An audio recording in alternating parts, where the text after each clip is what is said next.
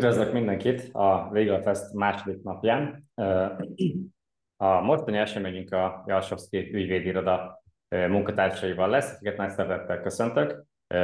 Elsőként Martinás Roxánát, Nagy Dórát, illetve Fodor Dánielt és Hosszú Pétert. Lesz majd alkalom arra, hogy ők hosszabban részesen és bemutatkozzanak, hogy mivel foglalkoznak.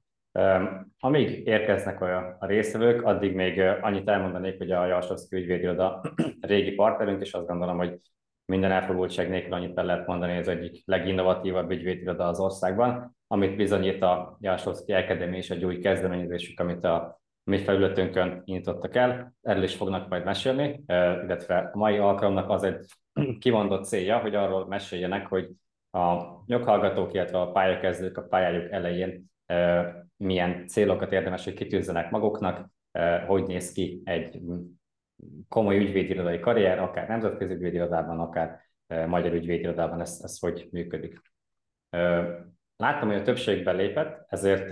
azzal kezdenénk, hogy megkérlek benneteket, hogy mutatkozzatok be egy kicsit. Az első körben azt mindenképpen mondjátok el, hogy mivel foglalkoztok, erre majd ki fogunk térni részletesebben is, most elég, hogyha azt mondjátok, hogy nagyságrendileg milyen területen dolgoztok és az érdekelne meg minket, hogy egyrészt mi alapján választottak a jogi egyetemet, másrészt pedig, hogy a jogi egyetem után a mostani területek miért kezdett el foglalkoztatni benneteket, hogy kerültetek egyáltalán be erre a területre. Én kezdjem? Bizonyám. Na hát üdvözlök mindenkit, engem Hosszú Péternek hívnak, és én a adó tanácsadás csapatban dolgozom jelenleg. Ez egy nagyon vicces történet, hogy én hogy kerültem ide,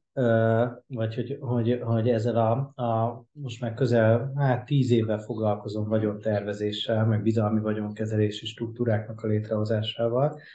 És nekem ez úgy indult, hogy én a Pázmányra jártam, és Belovics Ervin, illetve Borinoémi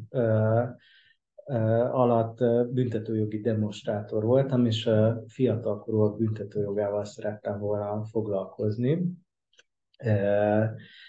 És hát aztán jött egy lehetőség, a, a, egy, egy gyakorlatnak indult a PVC-nél, a PVC-nek az ügyvédi irodájába, amiből aztán az lett, hogy kicsit több mint öt évig ott ragadtam, és ott ismerkedtem meg igazából a gazdasági joggal, illetve annak is ez a viszonylag speciális terület, ami, amivel én foglalkozom, ez a, a, a bizalmi vagyonkezelés, illetve a magánvagyon tervezéshez kapcsolódó szolgáltatások. A, a PVC-ből aztán egy üzletszerű vagyonkezelőhöz kerültem, amit egyébként volt PVC-sek csináltak, és, és aztán onnan érkeztem meg ide a Jalsovszkihoz, vagy mi csak Jalsónak hívjuk,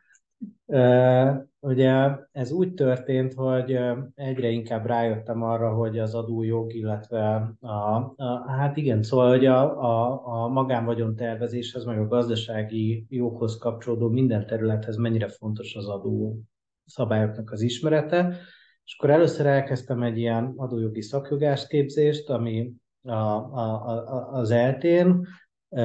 és egyre többet foglalkoztam adójoggal, ugyanis minden struktúrálást és minden magánvagyon tervezésnek ez alapvetően az egyik fő motorja, hogy a minél kevesebb adót kelljen fizetni a nap végén.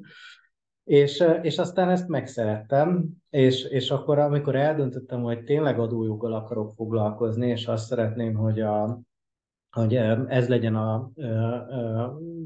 fő területem, akkor, akkor döntöttem el azt, hogy ez az ügyvédi irodához ö, csatlakozom, hiszen itt, itt nagyon régóta foglalkoznak ezzel, és, és úgy éreztem, hogy, hogy sokat tanulhatok. A, ami még a, a kérdést illeti, vagy a, a, a Marcinak a kérdését, hogy miért, a, hogy választottam egyetemet, én nekem nagyon fontos volt az egyetem alatt a közösség, sőt most is nagyon fontos. És én azért lettem pázmányos, mert nagyon sok ismerősöm járt oda, és a, akkoriban, ugye ez a 2010 környéke, akkor, akkor, akkor olyan hírben állt a pázmány, hogy ott nagyon jó közösség van. és abszolút nem bántam meg, hogy oda jártam, mert ez maximálisan be is igazolódott. De szerintem továbbadom akkor a stafétát. Megyünk körbe? Menjünk körbe. Sziasztok, én Nagy Dóra vagyok. Én az irodában a társasági jogi és vállalatfelvásárlási csoportban dolgozom. Igazából én Petivel, Petihez képest lehet, hogy inkább ilyen visszafelé nézném a történetet, mert hogy te életutatban látok egyfajta egy erősebb tudatosságot a véletlenek ellenére, de hogy én így, ahogy végig gondoltam az eddigi utamon, igazából utólag meg tudom magyarázni, hogy miért és hogyan születtek a döntéseim, de adott esetben ez nem voltak ennyire kifejezetten tudatosak. Um, igazából az, hogy én miért uh, mentem a jogi egyetemre, lehet, hogy a hallgatók közül is vannak hasonló cipőben járó uh, joghallgatók, igazából nem nagyon tudtam, hogy mit szeretnék csinálni, úgyhogy én nem hat éves korom óta ügyvéd szeretnék lenni, hanem igazából inkább a humán területek érdekeltek, így leginkább tanári tanácsokra választottam a, az eltét és, és magát a, a jogi egyetemet, mert úgy gondoltam, hogy ez kellő rugalmasságot ad arra, hogy igazából bármit is csináljak. Az LT-ben nem volt ilyen szintén kifejezett tudatos választás, nekem oda jártak az ismerőseim, úgyhogy igazából ezért azt választottam. És én az egyetem alatt pont itt a, a bizonytalanság miatt, az valamilyen kíváncsiság kísért, úgyhogy én igazából a lehető legtöbb mindent kipróbáltam, és azok alapján szűkítettem, hogy mi az, ami tetszik, és amivel foglalkozni szeretnék. És Nálunk itt valójában ez a, a társaságjog és vállalatfelvásárlási csoport egy ilyen nagyon tágan értelmezett kategória. Ezt azért mondom el, mert az utolsó gyakornoki helyemen találkoztam a munkajoggal, és az ott olyan nagy hatással volt rám, hogy valójában a mai napig a munkajog az egyik meghatározó terület, amivel foglalkozom. Ez az első jelölti munkahelyem, vagy az első ilyen igazi felnőtt munkahelyemen, én a KCG Partnersnél voltam a jelölti időm nagyjából 90%-áig, és ott tovább ismerkedtem ezzel a területtel, de alapvetően az első jelölti munkámnál is a lehető legtöbb területre próbáltam belekóstolni, és itt tényleg nagyjából majdnem négy évet töltöttem el ott, amiután azt éreztem, hogy itt az ideje a, a váltásnak, és én akkor érkeztem meg ide a, alsóba. Um, itt pedig a másik nagy területemmel foglalkozom, az a tranzakciók, ami szintén igazából a, az addig megismerkedett területek közül valahogy úgy éreztem, hogy ez áll hozzám mentalitásában, a, a kapcsolódó munkák által így nagyon a szívemhez közel. Úgyhogy én így utólag meg tudom magyarázni, hogy miért ezt választottam, de sokszor inkább ilyen megérzések, vagy tényleg a, a tapasztalat. Kerestem mindig a lehetőségeket, és amit így kifejezetten úgy éreztem, hogy nekem ez tetszik, én afelé mentem. Úgyhogy ezt azért így mondom, mert én nem sok ilyen életutat hallottam, amikor egyetemre jártam, és lehet, hogy valakinek ez megnyugtató lehet, ha esetleg kicsit elveszettnek érti még magát, hogy így is meg lehet találni az utatokat. Én folytatom szívesen, hogyha... Sziasztok, én Fodor Dániel vagyok, és 2020-ban végeztem az eltén. Előtte volt egy kitérőm, mondhatjuk így a Corvinuson, én ott megcsináltam egy alkalmazott közgazdaságtan alapszakot, ami során én rájöttem, hogy ez az egész közgazdaságtan ez nem áll túl közel hozzám, vagy nem ez az, amivel én foglalkozni szeretnék egész életemben. És akkor tulajdonképpen ekkor jött a jog, hogy na, talán akkor ez lesz az a terület, amit, amivel szívesebben foglalkozom. Nekem is volt egy erősebb ilyen humán érdeklődésem, ahogy Dóri is elmondta, és én azt hiszem, hogy ehhez elég jól illett is ez a jog. Mm, szerintem az egyetemről fogunk majd még úgy is hosszabban beszélni, de akkor én az ELTE kapcsán is kiemelném a közösséget, ahogy Peti kiemelte a Bázmány kapcsán. Nekem az egy ilyen pozitív élmény volt, hogy ott rengeteg lehetőséggel találkoztam. Ezeket szerintem érdemes kihasználni, és minden több dologba belekostolni. De hát erről szerintem fogunk majd még beszélni. Én az egyetem után egy fél évet dolgoztam Brüsszelben, egy brüsszeli ügyvédirodában, és utána pedig itthon dolgoztam először a CMS ügyvédirodában, és idén évele óta itt a Jalsovszkiban. És én alapvetően itt is, meg már az előző helyen is a peres területen dolgoztam, tehát ilyen polgári perekkel foglalkoztam. ami hát valószínűleg mindenki ezt gondolja jó esetben a saját területéről, de szerintem ez a legizgalmasabb, legváltozatosabb. Én persze ezen majd elvitatkozunk adott esetben, de én azért szeretem ezt, mert tényleg minden ügy, amivel foglalkozunk, az ugye kicsit más, mindig bele kell tanulni adott esetben egy új iparágba, vagy tehát új problémákat kell megérteni a nulláról, és ez általában egy nagyon izgalmas kihívás, és nagyon változatos. Hát nehéz megszólalni, mert itt mindenki előtt már mindent, amit el lehetett mondani. Én is üdvözlök mindenkit, Martinás Roxana vagyok, a Banking and Finance csapat ügyvédjelöltje, és hát én viszonylag itt friss húsnak számítok a piacon, mert 2022 nyarán végeztem a, a pázmányom, és uh, így az első kérdés megközelítve, hogy, hogy miért pont a pázmány, hát egyrészt az, amit a, a, a Peti is elmondott, de hogy, hogy miért pont a, a, a jogi egyetem? Igazából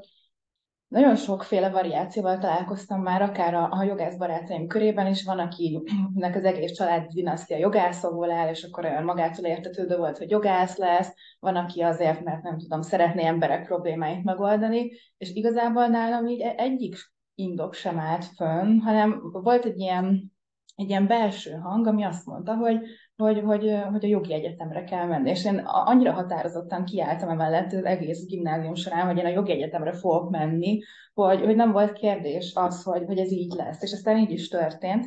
És hát a pázmányosoknak nyilván nem lesz ismeretlen az, hogy szerintem nincs olyan pázmányos, aki másodévben ne büntetőjogász akar lenni. Tehát amint ott beköszönt a büntetőjog, akkor, akkor mindenki elhatározza, hogy akkor ő igen, ő védő lesz, vagy ügyész lesz, vagy akármicsoda. Aztán, ahogy telnek az évek, ott elkezdik kinyílni a világ igazából, jönnek a lehetőségek, és, és akkor jön rá az emberek többsége, aki mondjuk nem ilyen büntetőjogi orientációval rendelkezik, hogy hát azért ezen túl is van világ, és hogy, hogy más dolgok is érdeklik, viszont lehet, hogy később még erről lesz szó, és ezt a saját példámon tanultam meg a legjobban, hogy az, hogy ha nem tudod, mivel akarsz foglalkozni, amikor kijössz az egyetemre, az egyáltalán nem baj és hogy nem kellett többet pánikolni, hogy nem választottál még magadnak egy konkrét szakterületet, és ezt a saját példámon tudom elmondani, hogy én az egyetem alatt meg se fordult a fejembe, hogy én banking and finance jogász leszek, és majd banki tranzakciókon fogok dolgozni, hitelszerződéseket draftolni, hanem ez egy ilyen teljesen véletlen folytán uh, alakult így, amit egyébként nem, nem bántam meg, és, uh, és szerintem ez a terület olyan, amit csak a gyakorlatban lehet megszere, megszeretni, és a tudást is megszerezni, mert szerintem nagyon-nagyon érintőlegesen esik róla szó az egyetemen, és igazából, hogyha az ember nem, nem dolgozik egy ilyen helyen, akkor tulajdonképpen azon kívül, hogy bank, nincs is róla igazán nagy tudása, úgyhogy én mindenkit arra bátorítok, aki, aki esetleg attól tart, akár így a, a, az évéhez közeledve is, hogy nem tudja, hogy mi lesz vele, mindig lesz valami, és én is dolgoztam ezelőtt e, másik helyen, egy kisebb irodánál, és hát nyitogatni kell a, nyitogatni kell a szárnyakat, és, és hogyha ha azt érzitek, hogy, hogy titeket valami érdekel, akkor, akkor már értek azt a lépést megtenni, hogy, hogy igenis, akkor akármilyen nehéznek tűnik, akkor, akkor beleálltok ebbe a döntésbe, és akkor majd az idő is igazolja, hogy, hogy ez, ez valójában jó döntés volt-e. Köszönöm szépen a válaszokat ugye az első körben. A hallgatóságnak elmondanám, hogy lehet közben is kérdezni, ezt a Q&A funkcióba tudjátok megtenni, úgyhogy nyugodtan kérdezzetek közben, én majd igyekszem becsatornázni a kérdéseket. A végén külön is kerítünk majd erre alkalmat. Akkor azt javasolnám, hogy az alapján, ahogy ti már több alkalommal ugye utaltatok erre, az egyetemi éveknek a fontossága, menjünk ebbe az irányba először. Meséltek egy kicsit arról, hogy ti hogy éltetek meg az egyetemet, mik voltak azok a tényezők, akár gyakornokság, akár közösség, szakolégium, TDK, bármi, ami nagyon hasznos volt, a karrieretek szempontjából úgy látjátok, hogy, hogy meghatározó volt. És mi az, amit esetleg ma máshogy csináltok, hogy mondjuk, ha most megkeres benneteket egy joghallgató ismerőstök, akkor, akkor mit tanácsoltok neki, hogy mi az, amit mindenképpen lépjen meg? Tehát nyugodtan mehetnénk ugyanabban a sorrendben, de teljesen szabadon kezdjétek. Jó, akkor én egy fél lépéssel hátrábbról kezdeném még, és ezt most országvilág szem előtt bevallom, hogy vagy kinyilatkoztatom, inkább így mondom, mert soha nem csináltam ebből titkot, hogy engem nem vettek fel elsőre a jogra, csak fizetősre, és én nem akartam fizetősre venni, mert én függetlenedni akartam a szüleimtől, és azt mondtam, hogy nekem senki ne szóljon bele, hogy hogy csinálom a dolgaimat, és azt gondoltam, hogy ők fizetik az egyetemet, akkor, akkor erre nincs, vagy, vagy ebbe korlátozott leszek. Na most a, ez persze akkor még más rendszer volt egy kicsit, akkor még volt államilag finanszírozott ö, ö, képzés rendesen. És akkor én ősszel újra mentem emelt töriből, akkor 97% lett, és tudtam, hogy felvesznek már, akkor nem aggódtam annyira, viszont elmentem dolgozni egy szállodába, egy négy csillagos szállodába a belvárosba, ahol recepciós lettem. És hát akkor azt ilyen borzalmas traumaként éltem egyébként meg, mert azt gondoltam, hogy, hogy az összes barátom már egyetemre jár, mennek a gólyatáborba, óriási egyetemi bulik vannak, én meg vagyok itt a loser, akit nem vettek föl, és dolgozik. És az az érdekes, hogy az ember soha nem tudhatja, hogy mi mire lesz jó. Az a tudás, amit én ott 8 hónap alatt összeszedtem ebbe a szállodába, gyakorlatilag mai napig részben ebből élek. Ugyanis azt, hogy hogyan kezeljünk egy ügyfelet, hogyan kommunikáljunk egy ügyféllel, hogy, hogyan, hogyan ö, ö, ö,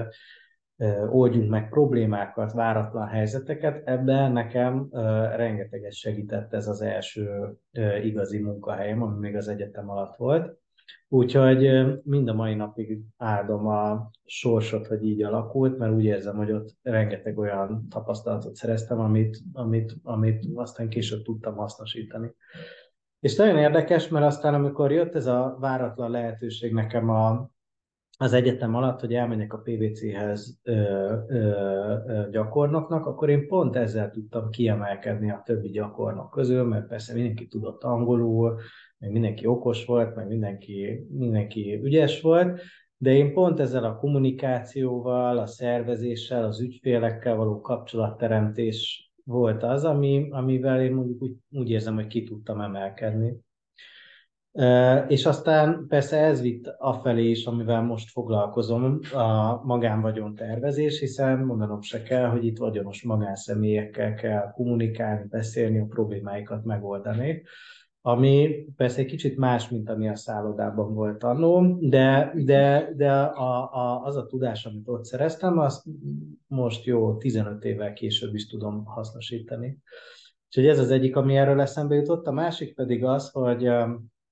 én mindig úgy tekintettem az egyetemre, mint egy svéd asztalra, és mindenki maga dönti el persze, hogy mi az, amit fogyasztani szeretne, meg mennyire pakolja tele a tányérját Azért azt látni kell, hogy az egyetem az egy sajnos, persze lehet, hogy azóta változott a helyzet, de egy nagyon elméleti tudást ad. És nagyon sok gyakorlati kérdésről nincs el szó. Úgyhogy fel sem merül. Az oktatóknak egy része ugye nem dolgozik, nem praktizál, persze tisztelt a kivételnek,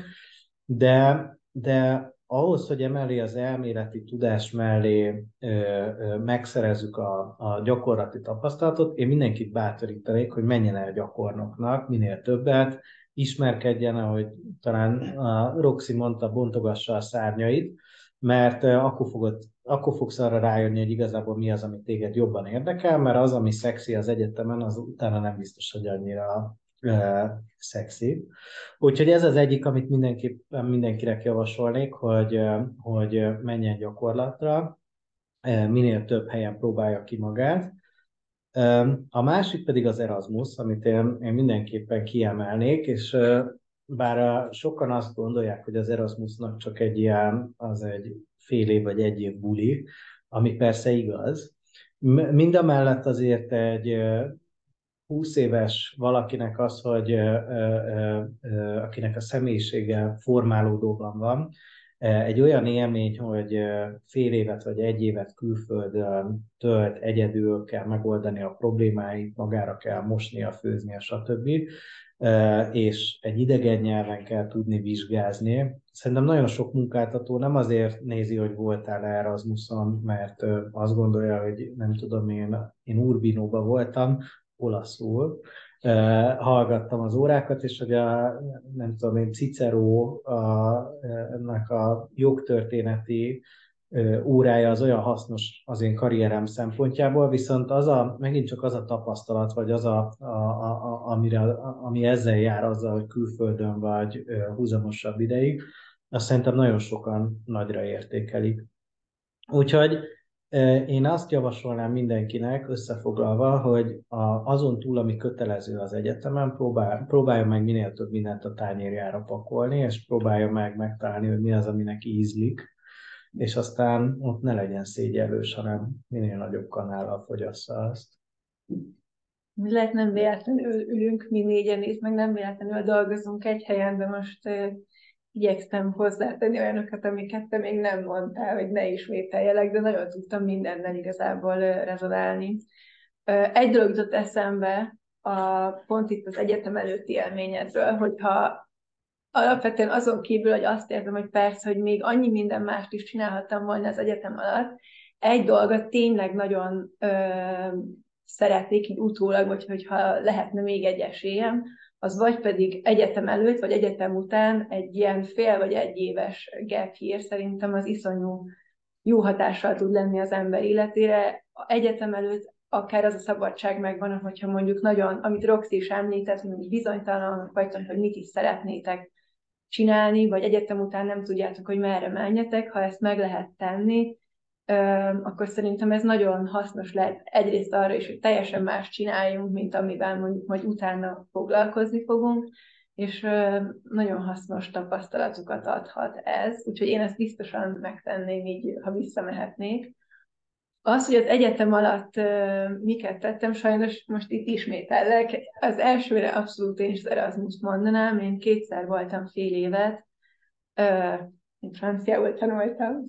először, utána pedig részben franciául, részben angolul, és uh, igazából azon kívül, hogy tényleg az életem egyik legmeghatározóbb élménye minden klisé ellenére, de hogy így tényleg, és a mai napig fent maradó barátságokat adtak nekem ezek az élmények. Szerintem is a, a nyelvtudáson túl valójában egy ilyen túlélési képességet, meg egy szervezési képességet adott, és egy olyan magabiztosságot, hogy bármilyen ismeretlen helyzetbe kerülök, tudom, hogy meg fogom tudni oldani, mert hogy egyedül is elboldogultam egy idegen városban, úgyhogy még igazából a nyelvet se beszéltem annyira jól. Úgyhogy ez egy mindenképp hasznos dolog, és egyébként a jogtudás, jogi tudás szempontjából is nagyon jó lehet, én tényleg tudtam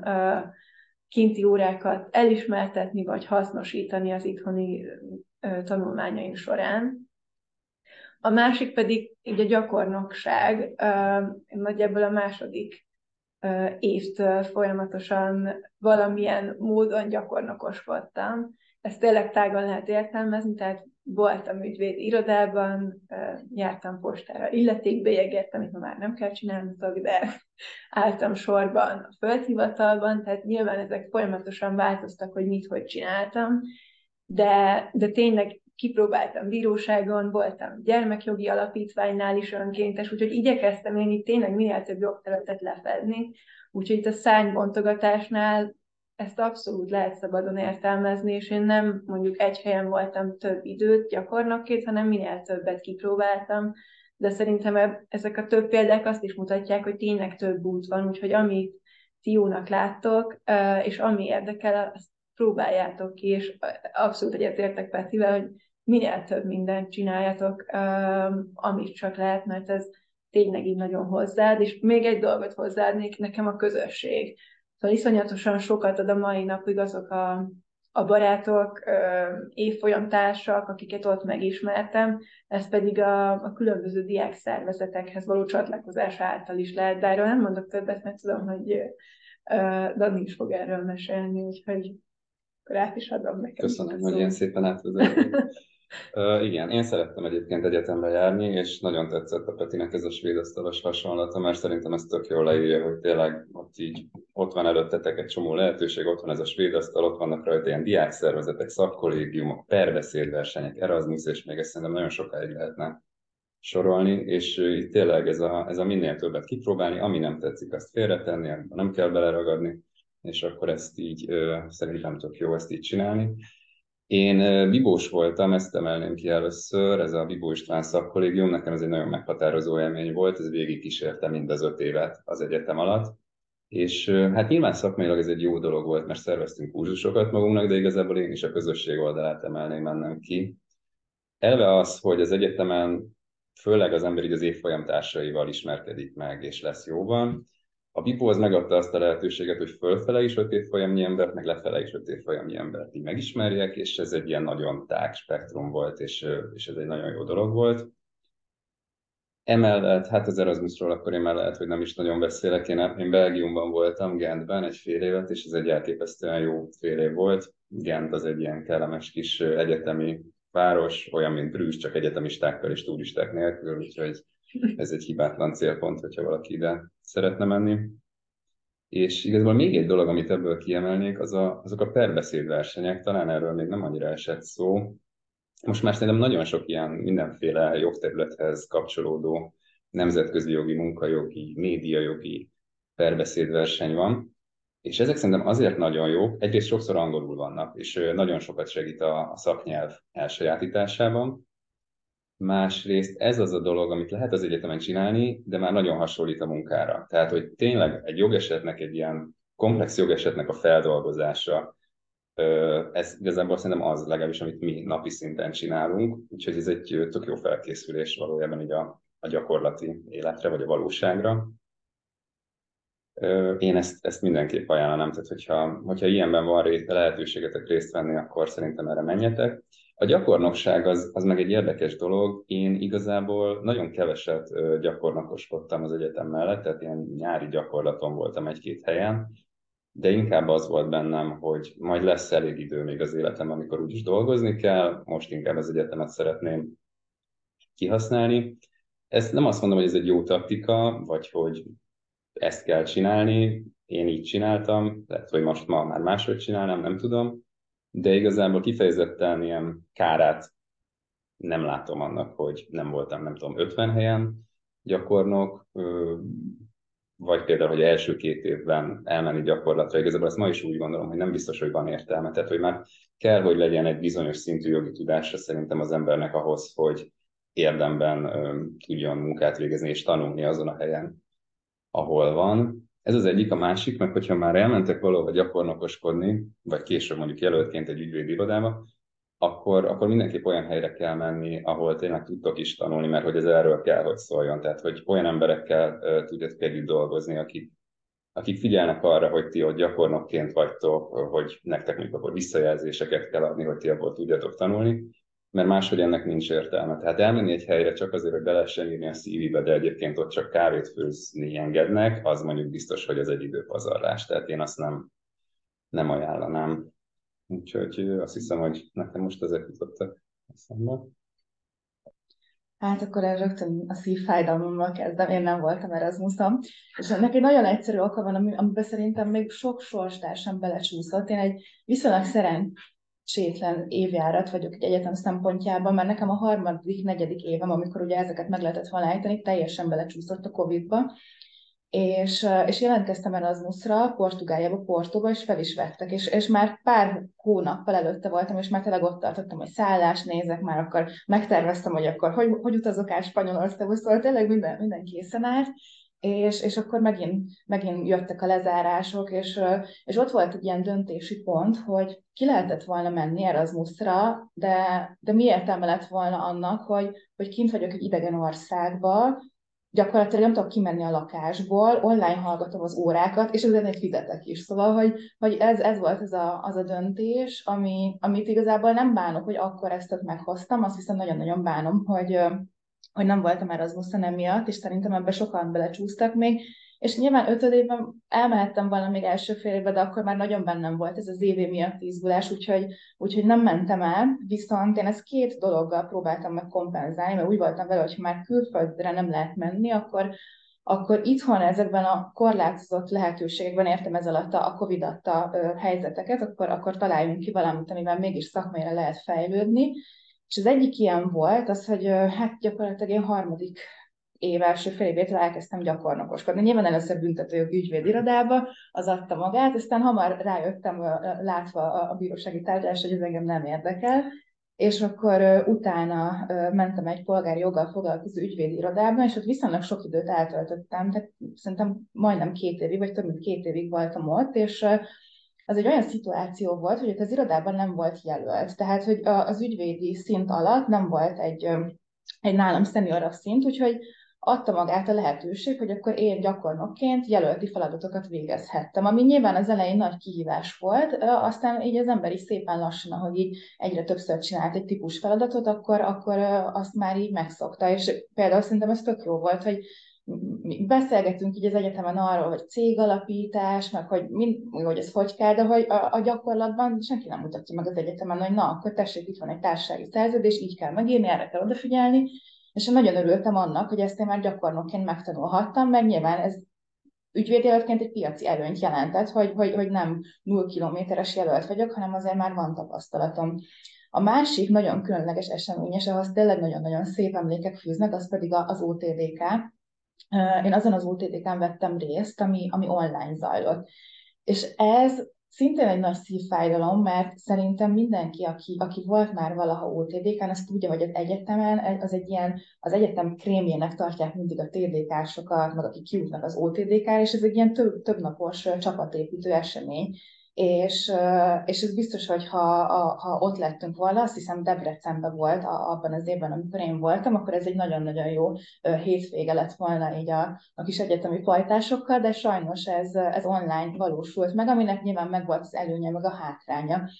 És szerintem, amit látni kell, és amit én az OTDK nagy előnyének értékelek, meg ennek az egész mozgalomnak, hogy ha bár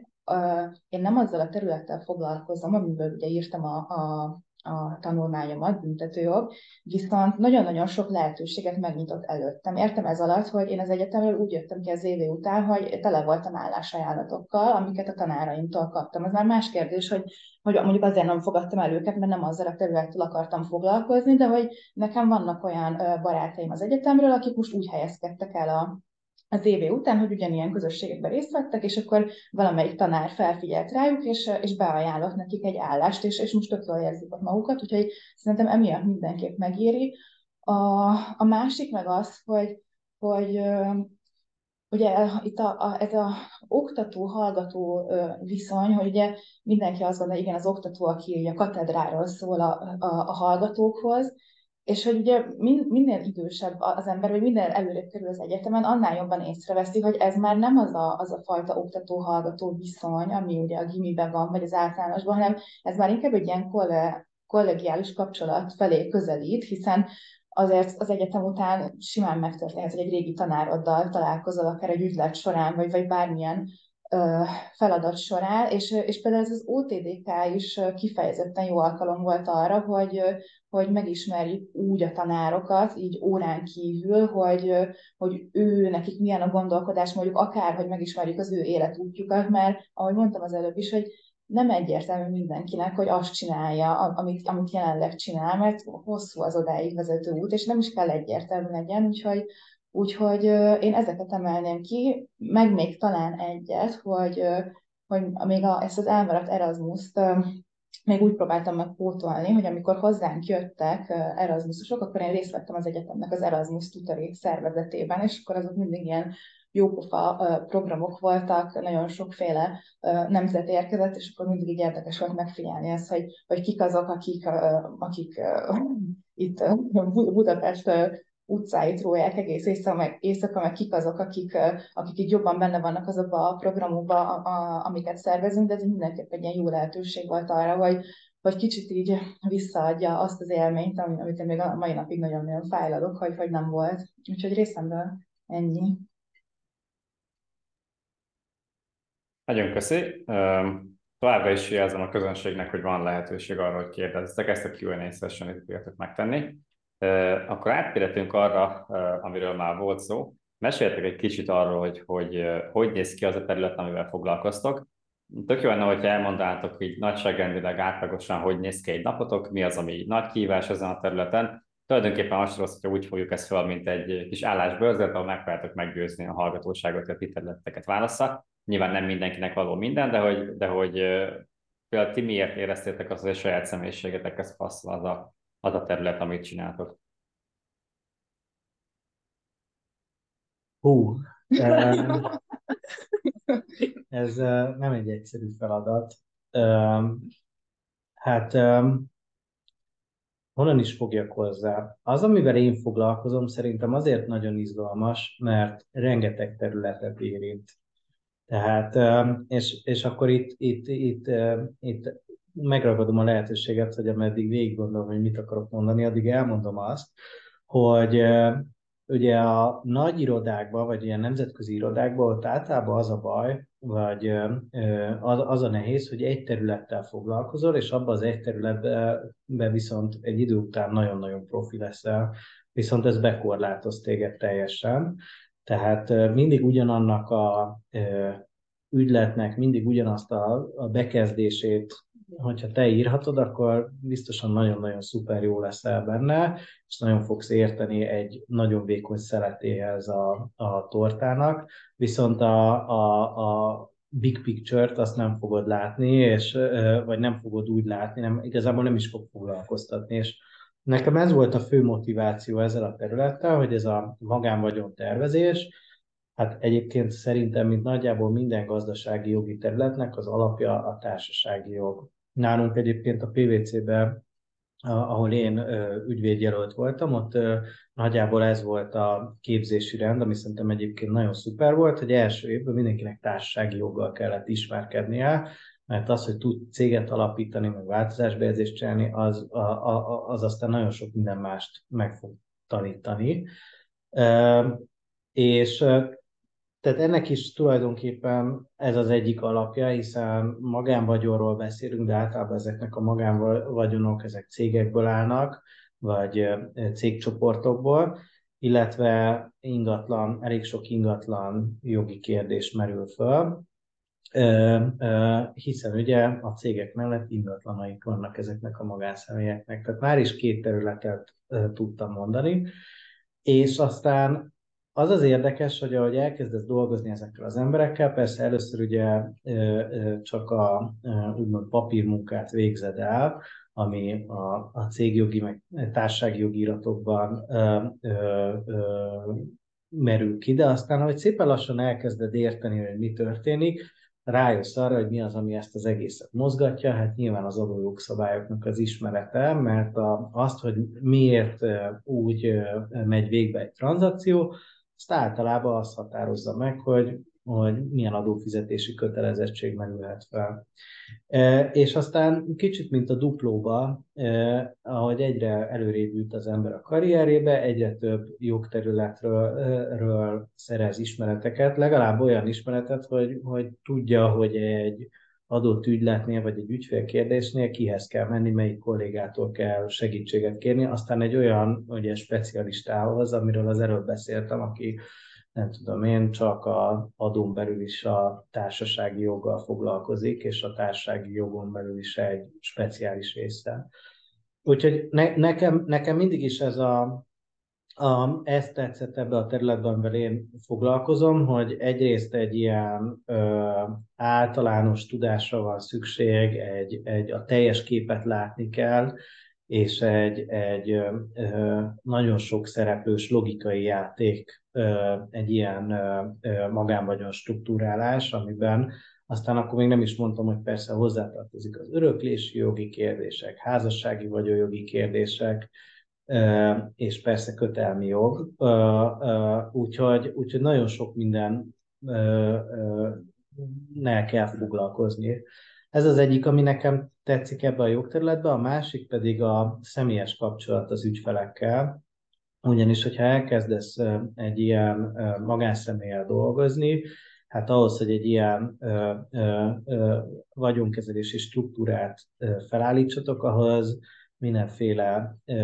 ö, információra van szükséged tőle, és akarva akaratlanul kialakul egy olyan kapcsolat, ami után már nem szívesen megy máshoz, hanem az összes jogi ügyét, meg néha nem jogi ügyét is hozzáhozza. És uh, ahogy említettem, ugye ezt a szállodás uh, uh, élményemet, én valószínűleg személyiségemből fakadóan ilyen vagyok, hogy mindig is szerettem uh, emberekkel beszélgetni, meg ezt a közvetlen ügyfélkapcsolatot, ezt, ezt, ezt, uh, ezt én nagyon élveztem. És hát most már a munkámnak azért egy jelentős részét ö, teszi ki az, hogy nem csak draftolom az iratokat, tehát előkészítem a társasági jogi iratokat, vagy szerződéseket, vagy, vagy bármi ilyesmit, hanem a magával az ügyféllel kell beszélgetni, és az ügyfélnek a, ott mondjuk adott esetben egy meetingen választ adni a kérdésére, vagy legalábbis úgy csinálni, mint hogyha a, a, maga biztosan tudnánk ö, ö, minden problémájára, minden esetben ö, választ adni. Úgyhogy ez egy ilyen nagyon izgalmas terület, ami tipikusan egy front office típusú terület, tehát közvetlenül kapcsolatban vagyunk az ügyfelekkel, és általában a cég vezetővel, meg a, a struktúra tetején álló magánszemélyel állunk kapcsolatba, és emiatt az összes területet, vagy az összes hozzátartozó kérdésre valamennyire rálátunk, és nekem ez, ez, ez az, amit, amit én szeretek benne. Um, igazából én arra a kérdésre, hogy hogyan néz ki egy napom, arra nagyon egyszerűen tudok válaszolni, és szerintem az meg is válaszol, hogy miért pont ezzel a területtel foglalkozom, hogy igazából mindegyik más. És uh, tényleg attól függ, hogy éppen uh, egyrészt milyen feladatok vannak, másrészt az ügyfeleink milyen problémával keresnek meg minket, de annyiban uh, hasonló az én választásom is, hogy igazából rájöttem itt az ügyvédjelölti éveim során, hogy nekem is az, ami meghatározó, a, a, az, hogy melyik területen dolgoznék, hogy valójában én szerettem volna, és szeretek ügyfelekkel közvetlenül dolgozni. Um, és ez nem ilyen self-branding, de hogy különösen itt a Jalsowski-nál, az egy kimondott belső, vagy lehet külsőleg is kommunikáljuk, de egy fontos szempont, hogy hiába mondja mondjuk az, az ügyfél elmond felénk egy kérést, hogy ő ezt szeretné csinálni, valójában arra ösztökölnek minket, és ez már tényleg egy ilyen belső hang is, hogy megérteni pontosan miért szeretné ő ezt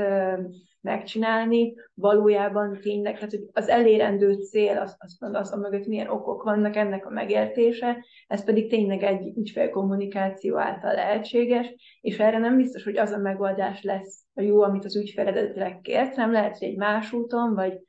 vagy ö, akár azzal csak kiegészítve egyéb megoldásokkal ö, tudunk neki egy, egy tök jó csomagot ajánlani, és ez szerintem megválaszolja azt, hogy ez mind munkajogban, mind a tranzakcióknál napi szinten jelen van. Úgyhogy én nagyon szeretem egyrészt ezt az együtt gondolkodást az ügyfelekkel. Ez alatt tényleg elkerülhetetlenül kialakul egy személyes kapcsolat is, egy bizalmi viszony, mert szerintem az ügyvédi lét a nap végén egy, egy bizalmi kapcsolat, ami miatt az ügyfelek egy idő után akkor valóban az ügyeiknek a többségét nem csak mondjuk hiába jönnek eredetileg munkajogi megkereséssel, de ahhoz kapcsolódóan elképzelhetően akár le, lehet, hogy peresügy is érkezik vele kapcsolatban, vagy egy adójogi megkeresés. Úgyhogy én, én abszolút ezt a, a személyes jelleget, és a másik, ami meghatározza ezt a két területemet, azok az ilyen kapcsolódó soft skill-ek. Tehát szerintem pont ez a két terület, azon kívül, hogy persze fontos az anyagi jogi tudás hozzá, tehát azt vehetjük egy, egy alapvetésnek, de mind a kettőben nagyon hangsúlyosak a, az ügyfélkezelési ö, képességek, mert szerintem mind munkajognál, ami annyira egy ilyen, bármennyire is egy üzleti kapcsolat, emberekről van szó, és mivel emberek megélhetéséről van szó, mint például egy munkaviszony megszüntetése kapcsán, elkerülhetetlen az érzelmeknek a, a jelenléte. És ezeket jól kezelni egy hihetetlenül nagy kihívásnak tartom, és az egyik legszebb részének a, a, a, a munkajognak, mert ha minden jól megy, akkor valójában mindkét fél számára egy pozitívabb megoldás születhet. A tranzakcióknál pedig ugyancsak az érzelmek elkerülhetetlenek mondjuk egy eladói tranzakció, aki a tulajdonos 20-30-40 éve élete munkáját értékesíti, nyilvánvalóan nem tud objektíven állni a kérdésben, és ott is ez egy kiemelten fontos része, plusz ugye a másik félel való tárgyalási folyamat, ami hihetetlenül izgalmas számomra, úgyhogy én azon kívül, hogy amit Peti is mondott, hogy persze minél inkább elmélyedsz egy területbe, annál inkább ismersz meg egyebeket, így én itt akár a peres ügyeket említhetem, mint a peresekkel sokszor dolgozunk együtt, főleg munkajogi kérdésekben, de akár a kapcsolódó adójogi kérdések, amik mindig előjönnek, de itt említhetem a bevándorlási jogot is, úgyhogy nem baj szerintem egy idő után specializálódni, de hogy a CEO mellett én is így alapvetően azért szeretem a Jalsovszkit, mert nem vagyok beszorítva itt ilyen korlátok közé, úgyhogy, úgyhogy erre bíztatnék mindenkit, hogy találja meg, hogy mi az, ami neki így a igazi szívszeretete. Igen, bo- bo- bocs, Dani, mielőtt csak egy mondatot még, mert most én, én, most én csatlakoznék Na. arra, amit te mondtál, hogy ez szerintem tök fontos, és erre a jelölti idő tök jó, hogy az ember rájöjjön, hogy te milyen típusú ember vagy, egy front office típusú ember, vagy egy back office típusú ember. Nekem vannak zseniális, olyan ö, dogmatikai tudású ügyvédbarátaim, akik eszméletlen jól tudnak szerződést írni, és ők, ők egyébként azt is szeretik, hogy egy ülnek az irodában, megírják a szerződést, ne kelljen soha találkozni ügyféllel, ne kelljen velük beszélni lehetőleg, ne kelljen... Ők, ők, ők, ők azt a részét a munkának nem szeretik, viszont elképesztő precizitással és, és, és professzionalitással írnak szerződéseket. És szerintem ez nagyon fontos, hogy erre rájöjjön az ember, hogy igazából mi is való neki, és ez ilyen nagyon jól hangzik, hogy persze neki front office típusú embernek akarja, vagy a, a, a, úgy tűnik, mintha az lenne a nagyon menő, nem tudom én a golfpályán megbeszéled az ügyféle, hogy hogyan, meg mint legyen a következő nagy tranzakció, persze ez azért az életben nem mindig így van, de hogy, hogy szerintem ez a, a, az önmagadnak a megismerés, hogy neked mi az, ami való, és hogyha te egy back office típusú ember vagy, és nem ez a része érdekel, hanem, hanem hanem a, a, a másik része, akkor szerintem ezzel az égvilágos semmi baj nincsen, csak, csak az fontos, hogy te magad tisztában legyél vele. Igen, és erre csak annyit rácsatlakozhatok, hogy ez például azért is jó, ha erre rájössz, mert munkakeresésnél akkor ezt már lehet nyíltan az elején Igen. tisztázni, hogy akkor te nem fogsz business development tekintetében nem küldenek el minden konferenciára, hanem akkor egyértelműen le tudod tárgyalni, hogy igen, te ilyen típusú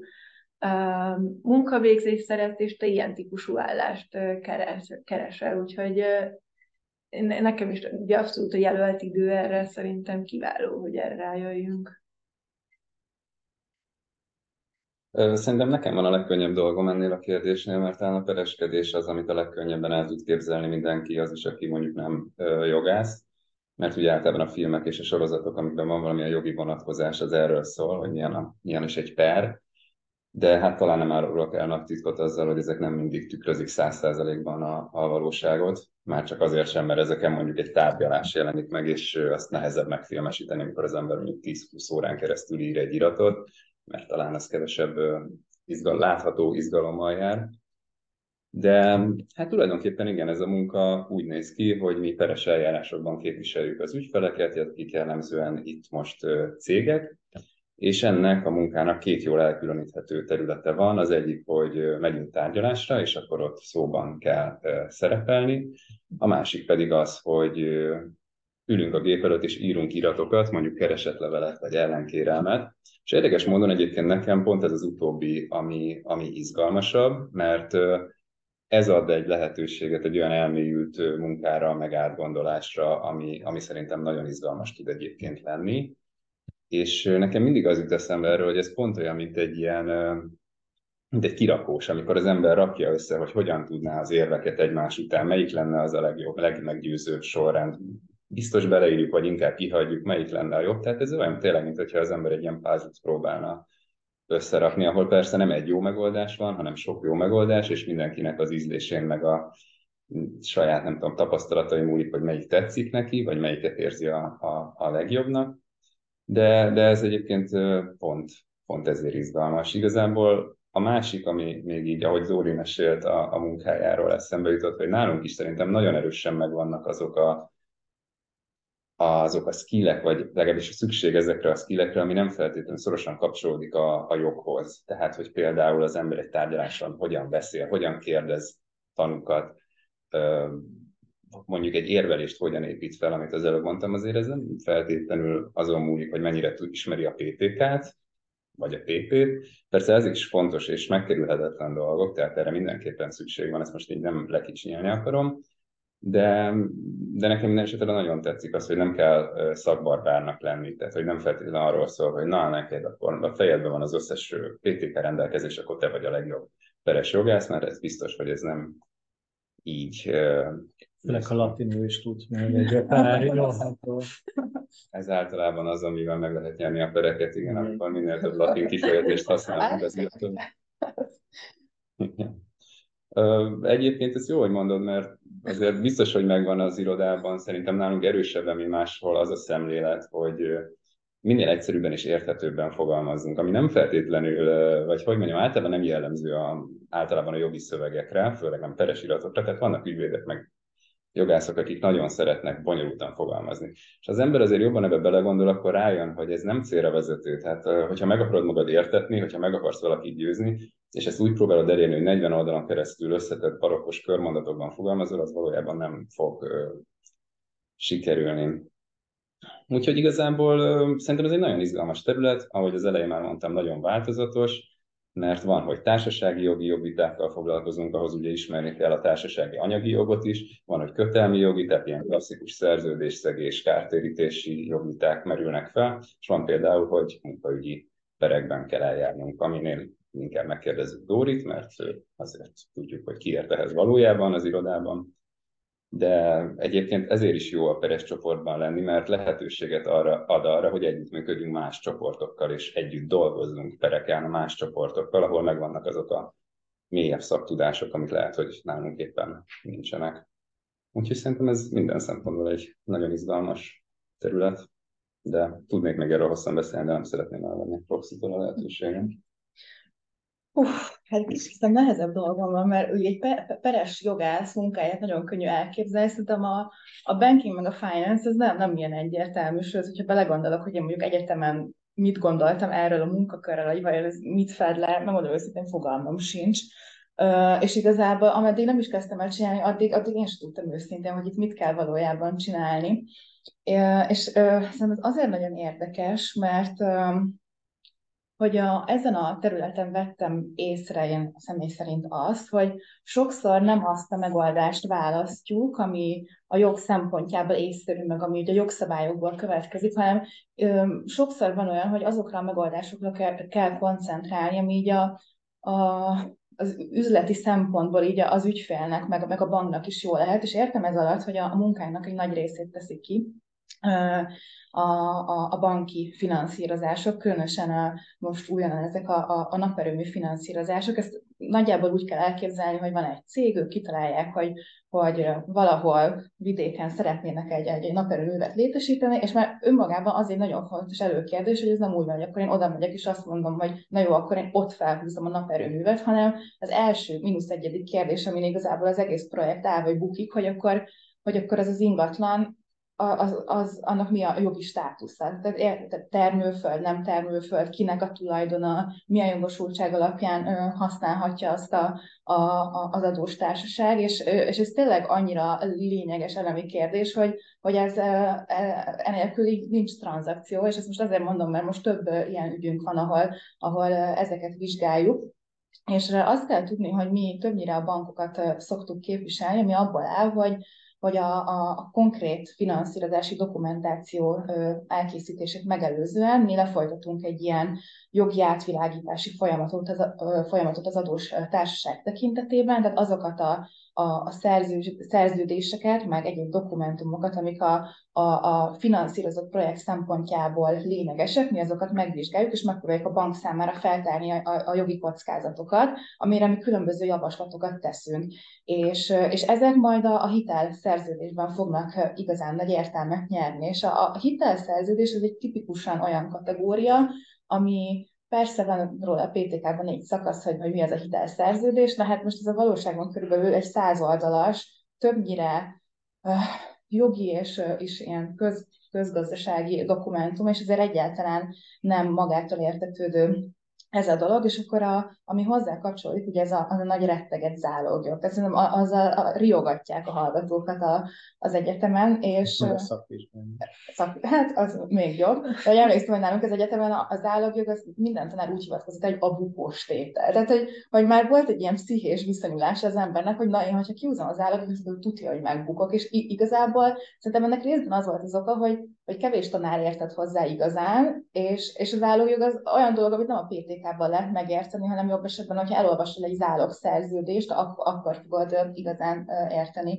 És uh, szerintem ez a, ez a, az a típusú tranzakciós munka ilyen finanszírozásban azért nagyon uh, nehéz, meg, meg érdekes is egyben, mert ha bár a bankot képviseljük, de a bankkal van egy közös érdekünk az, hogy az adós pénzt kapjon. És, és nehéz, nehéz így a két szereplő között egyensúlyozni, mert nyilván sokszor merülnek fel olyan kérdések így adósi oldalról is, ami, ami már felfelveti azt a kétséget, hogy akkor most igazából kinek a, kinek a javára adjuk ezt a tanácsot, nekünk inkább a bankot kéne képviselni, de közben segíteni kell a, az adóst is, úgyhogy ez, a, ez az egyik nagy része.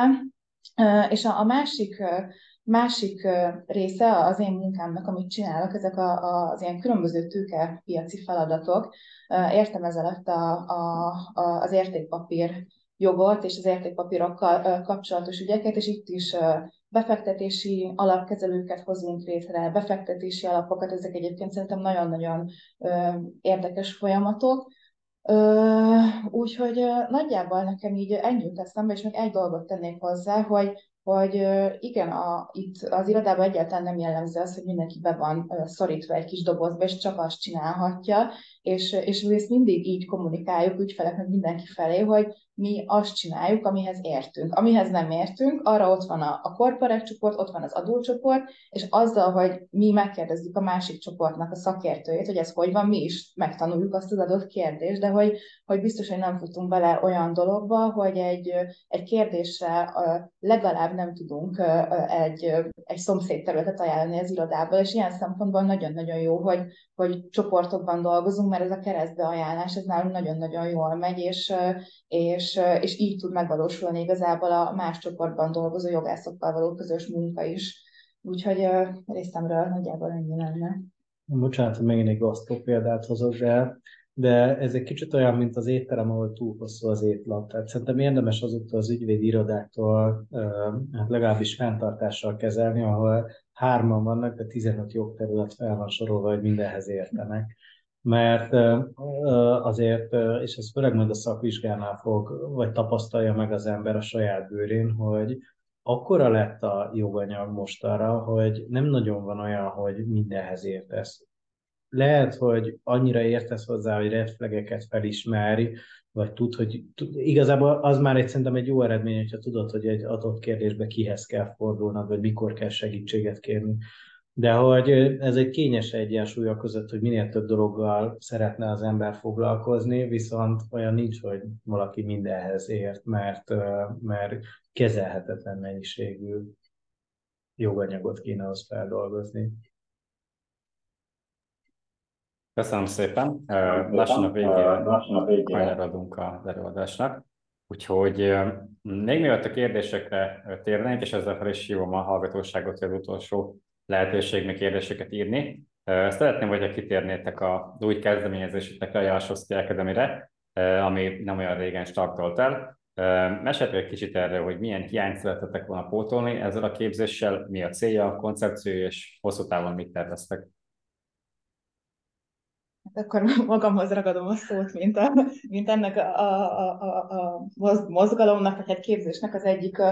fő szervezője, és hogyha esetleg van itt olyan hallgató, aki jár a Jalsowski Akademira, ezt, ezt külön köszöntjük, mert tegnap volt a harmadik képzési alkalom, és jeleztük feléjük is, hogyha érdeklődnek itt a, az esemény iránt, akkor nyugodtan csatlakozzanak be. Hát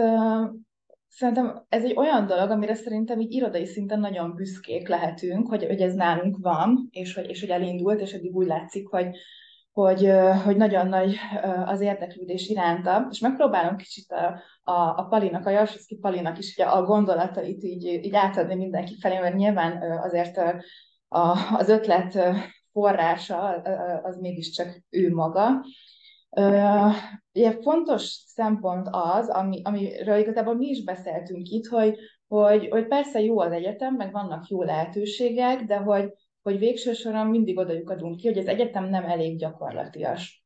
És mi tipikusan olyan jogterületekkel foglalkozunk az irodába, amik az egyetemen vagy elvétve jelennek meg, vagy, vagy nincs idő rá, nem foglalkozunk vele, hát most akkor a, jó, akkor elmondjuk, hogy mi az SZIA, de amúgy nem foglalkozunk az adójoggal, elmondjuk, hogy mi a pénz kialakulásának a története, de amúgy nem foglalkozunk banking and finance-szel, és mi szerettünk volna egy olyan ö, m, egyetemi tanulmányokon túlmutató képzést biztosítani a hallgatók számára, ami kicsit így orientálja őket az irányba, hogy, hogy milyen lehetőségeik vannak ö, majd, majd az egyetem után. Ez, a, ez az egyik része. A, a másik része meg az, hogy hogy szeretnénk, hogyha, hogyha ezek a hallgatók már a gyakornokságon keresztül bele tudnának csatlakozni a, az iroda életébe. És ez ugye azért fontos, mert nyilván én és ezt a gondolatot most úgy mondom, mintha egy partner mondaná, biztos, hogy minden szenior így gondolja a saját irodájában, hogy nagyon-nagyon nehéz ügyvédjelöltet találni, és jó ügyvédjelöltet, aki, aki hosszú távon marad az irodánál, mert azért mindenki nyitogatja a szárnyait, kipróbálja ezt is, kipróbálja azt is, nagyon fluktuáció, és hogy, hogy nagyon-nagyon nehéz megtartani egy embert, és nyilván ennek nem csak ilyen pénzbeli motivációi vannak. És, és mi abban hiszünk, és nekünk az a várakozásunk az akadémivel kapcsolatban, kapcsolatban, hogy ha itt elindítunk, most 25 emberrel indultunk, elindítunk 25 embert egy, egy bizonyos úton, és, és aközül mondjuk négy-öt ember sikerül majd nekünk alkalmazni, mint gyakornok, akkor neki is, meg nekünk is már meg lesz az a, az a lehetőségünk, hogy, hogy őt megpróbáljuk így belenevelni a mi mindennapjainkba, és ezt most a szó legjobb értelmében próbálom mondani, hogy belenevelni, hogy, hogy legyen egy ilyen, hát ez nagyon viccesen hangzik ez a szó, és legyen egy ilyen identitástudata, hogy ő is érezze magáénak ezt, a, ezt az egészet, már így a, a gyakornokságtól kezdve, és amikor majd ügyvédjelölt lesz, akkor, akkor már úgy, úgy tudjon munkához látni, hogy ő, ő már ismeri ezt az irodai körforgást, ő, ő itt volt, tudja, hogy, hogy kikkel dolgozik együtt, és, és valójában szerintünk ez hozzájárulhat majd ahhoz, hogy, hogy így meg tudjunk tartani embereket, hogy, hogy, hogy már egészen a, a karrierjük legelejétől egyengedjük a, a, az útjukat. És itt a, az akademi kapcsán az a, az, a, az a legfontosabb, hogy tényleg, és ez nem csak ilyen, ilyen ö, ö, reklámszöveg, hogy itt tényleg nagyon ö, erősen a, a, a gyakorlatra koncentrálunk, és ugye az a szerencsés, hogy, hogy úgy tudunk képzést nyújtani, hogy közben így a, a saját jogeset tárunkból uh, merítkezünk, tehát ugye nem az, mint az egyetemen, ami szerintem nagyon nagy hiány, hogy hogy mindenki beszél jogintézményekről, elmondja, hogy a VK-s kommentárban milyen jogeset társult hozzá, itt viszont mi azt tudjuk biztosítani ezeknek a hallgatóknak, akik hétről hétre részt vesznek ezeken az eseményeken, hogy, hogy olyan üzleti problémákat, meg jogi problémákat mutatunk be nekik az adott tematikához kapcsolódóan, amiken mi ténylegesen dolgoztunk, vagy dolgozunk még a, még a mai napig, és, és szerintem ez egy nagyon-nagyon fontos tudást ad nekik. Úgyhogy én az akadémivel kapcsolatban egyelőre ennyit mondanék el, de ha van kérdés, akkor, akkor szívesen válaszolok rá. Egy kérdés már érkezett is, hogy lesz a jövőre is Jarsovszki Academy, mert idén nem tudott jelentkezni a hallgatónk rá, mit tudtuk erre mondani? Igen, lesz, sőt a második fél évben, vagy januárban indul a, a jelentkezés, oda is lehet majd jelentkezni, és a, a, itt az a fontos, hogy nekünk most ez az első alkalom, meg mi is nyitogatjuk a szárnyainkat, próbálgatjuk, hogy, hogy szervezési szempontból mi hogy legyen, de hogy nekünk teljesen az az elképzelésünk, hogy ez egy ilyen ez egy ilyen nagyon hosszú távú dolog lesz, tehát hogy majd ez tíz év múlva is lesz majd Jalsovszki Akadémi tizedik kiadás, és hogy, és hogy ez a piacon ez egy olyan, olyan képzés lesz, ami, amit így majd így a szakmai berkeken belül is ez egy ilyen jó pont lesz, hogyha valaki nem is itt akar majd elhelyezkedni, de látni fogja a munkáltatója, hogy hát ő igen elvégezte a Jalsovszki Akadémit, akkor, akkor az majd őt kiemeli így a, a többi jelentkezők közül, úgyhogy mi hosszú távon tervezünk ezzel. Köszönöm szépen, mivel viszonylag túlnyúltunk a, az időnkön, ezért szerintem csináljuk azt, hogy felolvasom a kérdéseket, és akkor így amelyikötöknek bármelyikhez van hozzászólása, akkor azt mondjátok el, nem muszáj mindenkinek mindegyikhez, és akkor ezzel zárnánk a mai alkalmat. A részben volt már szó, hogy hogyan osztjátok be a napjaitokat, hogyan találjátok meg a work-life balance-et, és ehhez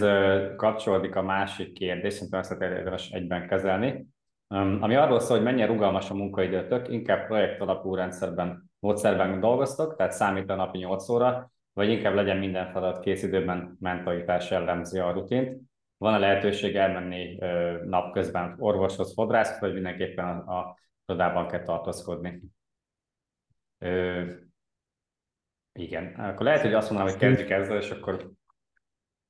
Szerintem ezt először a jelölt kollégák mondják meg, mert ugye, és aztán, aztán elmondom én, amit akarok ezzel kapcsolatban, mert nyilván más egy kicsit. Um, hát ne, ne, nehéz szóhoz jutni. Én azt gondolom, hogy hogy rugalmas az iroda ilyen tekintetben, és nyilván azt látni kell, hogy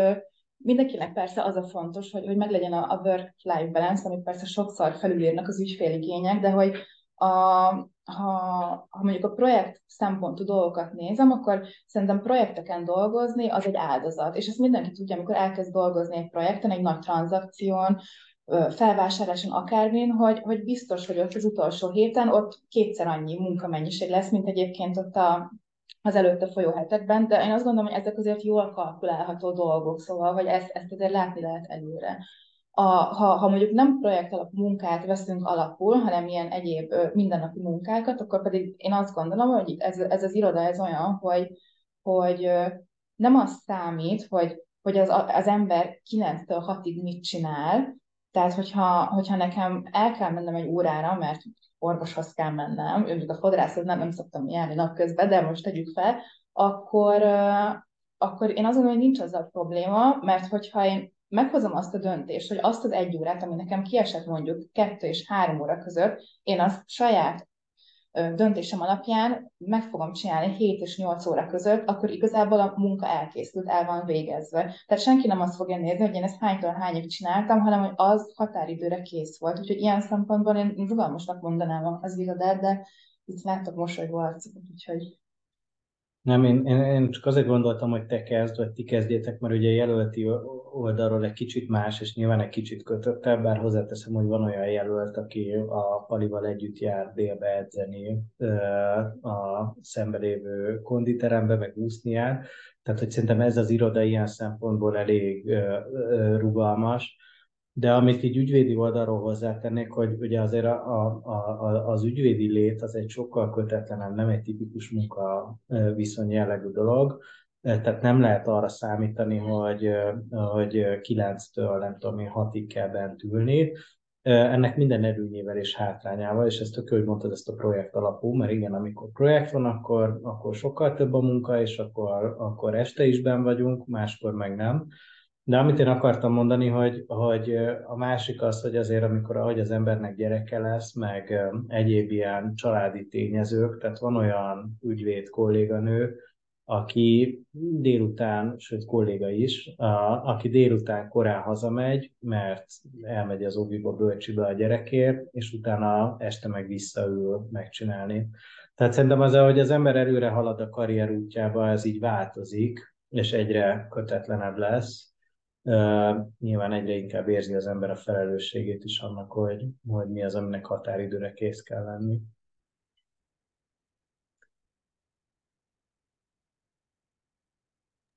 Köszönöm szépen, akkor menjünk tovább a kérdésekkel. Létezik a nálatok client manager feladatkör, tehát része a gyakorlatnak az, hogy valaki hosszú távon egy-egy ügyfelet menedzsel.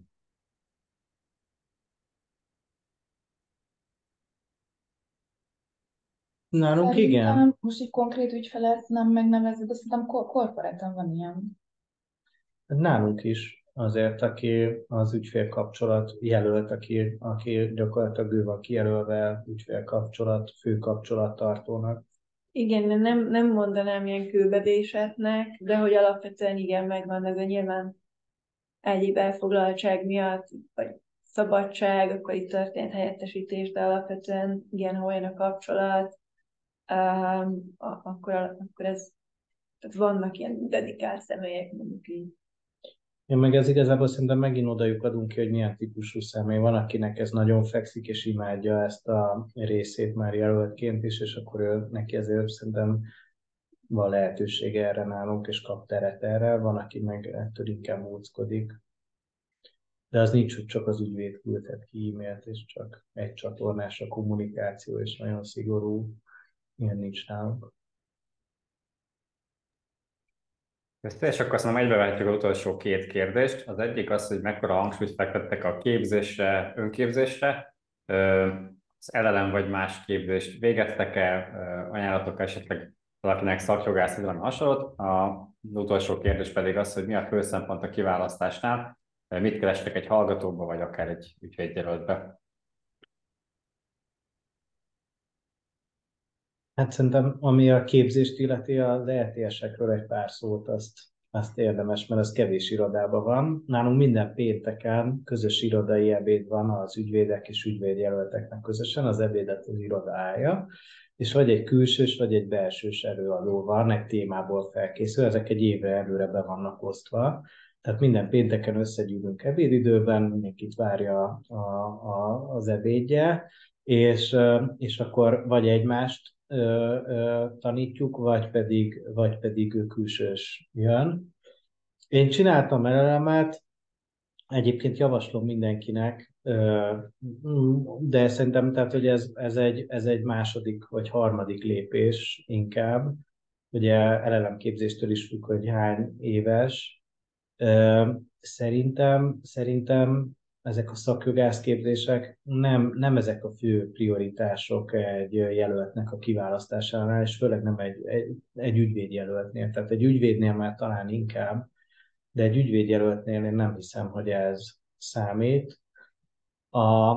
amire nálunk szerintem lehet készülni, azok, a, hogy nem klasszikus interjú van, tehát nem csak szakmai kérdések vannak, hanem előszeretettel vannak logikai játékok az interjú során, ami egy ilyen inkább a jogtól és a, a, a, ezektől a területektől teljesen független képességeket hivatottak mérni. Nem tudom, hogy nektek mi a... Mm, én egy francia részképzést csináltam, ez az el, nem tudom, hogy a pázmányon van ilyen, az eltén van német, meg francia részképzés, az egy mestere, egy diplomát adott nekem, úgyhogy külön vannak a mesterképzések, nem osztatlan két éves. Igazából azon ki, nagyon szerettem mindig az ilyen összehasonlító jogi tanulmányokat, úgyhogy ez, ezt nagyon élveztem ilyen tekintetben de én, én nem csináltam elelemet, nem zárom ki, hogy nem fogok a jövőben nézve, jövő, jövőben,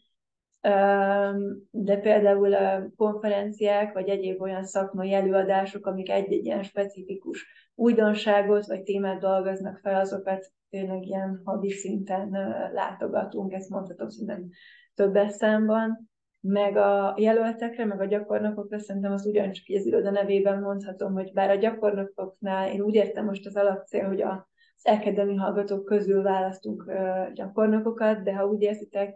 mi minden beérkező levélre válaszolunk, szóval nyugodtan küldjétek be a, az önéletrajzotokat. Nem tudni, hogy kiből lesz tényleg itt a következő jelölt, vagy, vagy gyakornok. És egyébként szerintem ezeknél a jók ezek a szakjogászképzések, meg az egyéb, de a, inkább a szakmai tapasztalat az, ami, ami mérvadó. Tehát az, hogyha valaki az egyetem mellett gyakorlati tapasztalatot szerez, és már úgy jön ide kezdőjelöltként, vagy jelöltként, hogy van némi tapasztalat, azt szerintem azt mindenki nagyon szereti. És szerintem a Jalsovszki Akadémia az ilyen szempontból abszolút beszámít ható gyakorlatnak, ugyanis nagyon-nagyon gyakorlatias a képzés, és kifejezetten az a célja, hogy, hogy ebbe adjon hozzá az egyetemi évekhez. Nekem meg egy utolsó gondolatom van, csak ahhoz, amit mondtál, hogy, hogy sokan azt hiszik, hogy azt számít, hogy minden jobban tele tudjuk írni az önéletrajzot, de hogy nem egyébként. Tehát, hogy egy, egy szerényebb, kevesebb inform, úgy információt tartalmaz önéletrajz, tehát hogyha nem, nem végeztél egyetem után három szakjogászit mindenféle területen, ami nem is kapcsolódik igazából a, a, a majdani munkádhoz, csak szívügyet vagy, vagy érdeklődési köröd miatt végezted el, az sem feltétlen jelent egyenes utat valahova, és ezt azért mondom, hogy amit nem volt már idő, ezt nem emeltük ki, de hogy szerintem nálunk, amiben az iroda kiemelkedő, és én ezt már több ügyfeltől is hallottam, az az emberi közösség. És nyilván ezt az ügyfelek mondjuk onnan érzékelik, ahogy kommunikálunk velük, meg ahogy viselkedünk velük, mi meg onnan érzékeljük, hogy szeretünk bejárni dolgozni, és, és nincs gyomorgörcsünk reggelent, amikor be kell jönni, mert hogy a kollégák nagyon jól kijönnek egymással, sok olyan jellegű program van, ami ezt az emberi közösséget erősíti és, és hogy egy kicsit Pali szavaival éljek, vagy a, azt mondjam, amit ő szokott mondani, és ebben szerintem igaza van, hogy nyilván az tök hogyha valakinek van tapasztalata, meg azt, azt is szerintem figyelembe is veszik a, a, a, a vezetők a kiválasztásnál, de hogy, hogy a szakmai dolgok azok olyanok, amik azért úgy eltanulhatók. Viszont a, a, az emberi értékek, meg a, meg, a, meg a hozzáállás, meg, tényleg az, hogy valaki milyen ember, az úgy mondhatni adott. Meg azért úgy, persze az is fejlődik az idő során, de hogy, hogy a, amikor így valaki kijön, kijön az egyetemről, akkor, akkor annak úgy már így vannak megnyilvánulási jegyei. És, és például ezért van az, hogy, hogy azért ezek az interjúk nem tisztán szakmai interjúk, hanem, hanem kicsit így ki, ki vannak hegyezve arra is, hogy, hogy, hogy az adott jelöltet, mint embert meg lehessen ismerni, és ezek a logikai feladatok is azért vannak, nem azért, hogy itt ö, valakit nehéz helyzetbe hozzanak, hanem, hanem azért, hogy, hogy meglássák, hogy azon túl, hogy, hogy valaki tudja, hogy mi van leírva a PTK-be, meg az MT-be, hogy, hogy kicsit így fényderüljön arra, hogy ő hogy gondolkodik, milyen, milyen logikai láncolat mentén, és ott sem feltétlenül van egy jó meg egy rossz megoldás, mert különböző utakon is el lehet jutni egyébként a, a, a, a megfelelő célig, úgyhogy én azt gondolom, hogy ezek inkább ezt szolgálják, és nem kell tőlük megijedni, hogyha esetleg valaki a jövőben ilyen helyzettel találja magát szembe, akár nálunk, akár máshol. Én csak nagyon röviden, csak hogy én is teljesen egyetértek azzal, hogy valószínűleg egyáltalán fontos az, hogy az embernek legyen mondjuk egy tökéletes CV-je, és mondjuk egy dolog, amit biztos, hogy nem néznek, legalábbis nem nagy súlya a munkáltatók, hogy mondjuk summa cum laude elvégezte el az ember az egyetemet, úgyhogy soha senki nem kérdezte, soha senki nem kérdezte meg, nem nézi, úgyhogy ezt csak azért mondom, hogy ha valaki még mondjuk az évig, vagy az évig még előtte állnak, akkor nem feltétlenül kell erre ráfeszülni. És vannak dolgok, amik meg mondjuk ennél sokkal többet számítanak, például a nyelvtudás, az angol nyelvtudás az ma már szerintem nem nálunk, hanem minden ügyvédi irodában, amilyen nemzetközi környezetben mozog, és nemzetközi tranzakciókban mondjuk részt vesz az egy, az egy alapelvárás, és persze nem kell megírni, hogy mondjuk egyetemre jártok, és nem tökéletes az angolotok, csak érdemes abba az irányba haladni, hogy akkor mondjuk ebbe több energiát fektettek, mondjuk Erasmus, perbeszédversenyek, ugye ezekről beszéltünk, mert ez lehet, hogy egy fontos skill. Meg még egy dolog, amit én kiemelnék, és szerintem, hogy ez, nálunk ez különösen fontos, hogy mondjuk legyen egy olyan, vagy pluszt jelenthet egy olyan pénzügyi, üzleti képzésnek az elvégzése, ami mondjuk nem feltétlenül egy korvinuszos képzés, de valami, ami mégiscsak több, mint amit az eltén el lehet sajátítani a kötelező közgáz keretében, mert akkor az embernek már lesz egy képe a pénzügy számvitelről, és ezek egyébként az ügyvédi munka során, a legtöbb ügyvédi munka során nagyon-nagyon fontos skillek. Nagyon szépen köszönöm itt a kimerítő beszélgetés, nagyon hasznos volt, és nagyon köszönjük, hogy elkötetlen formában megosztottak a tapasztalataitokat. Szerintem sok embernek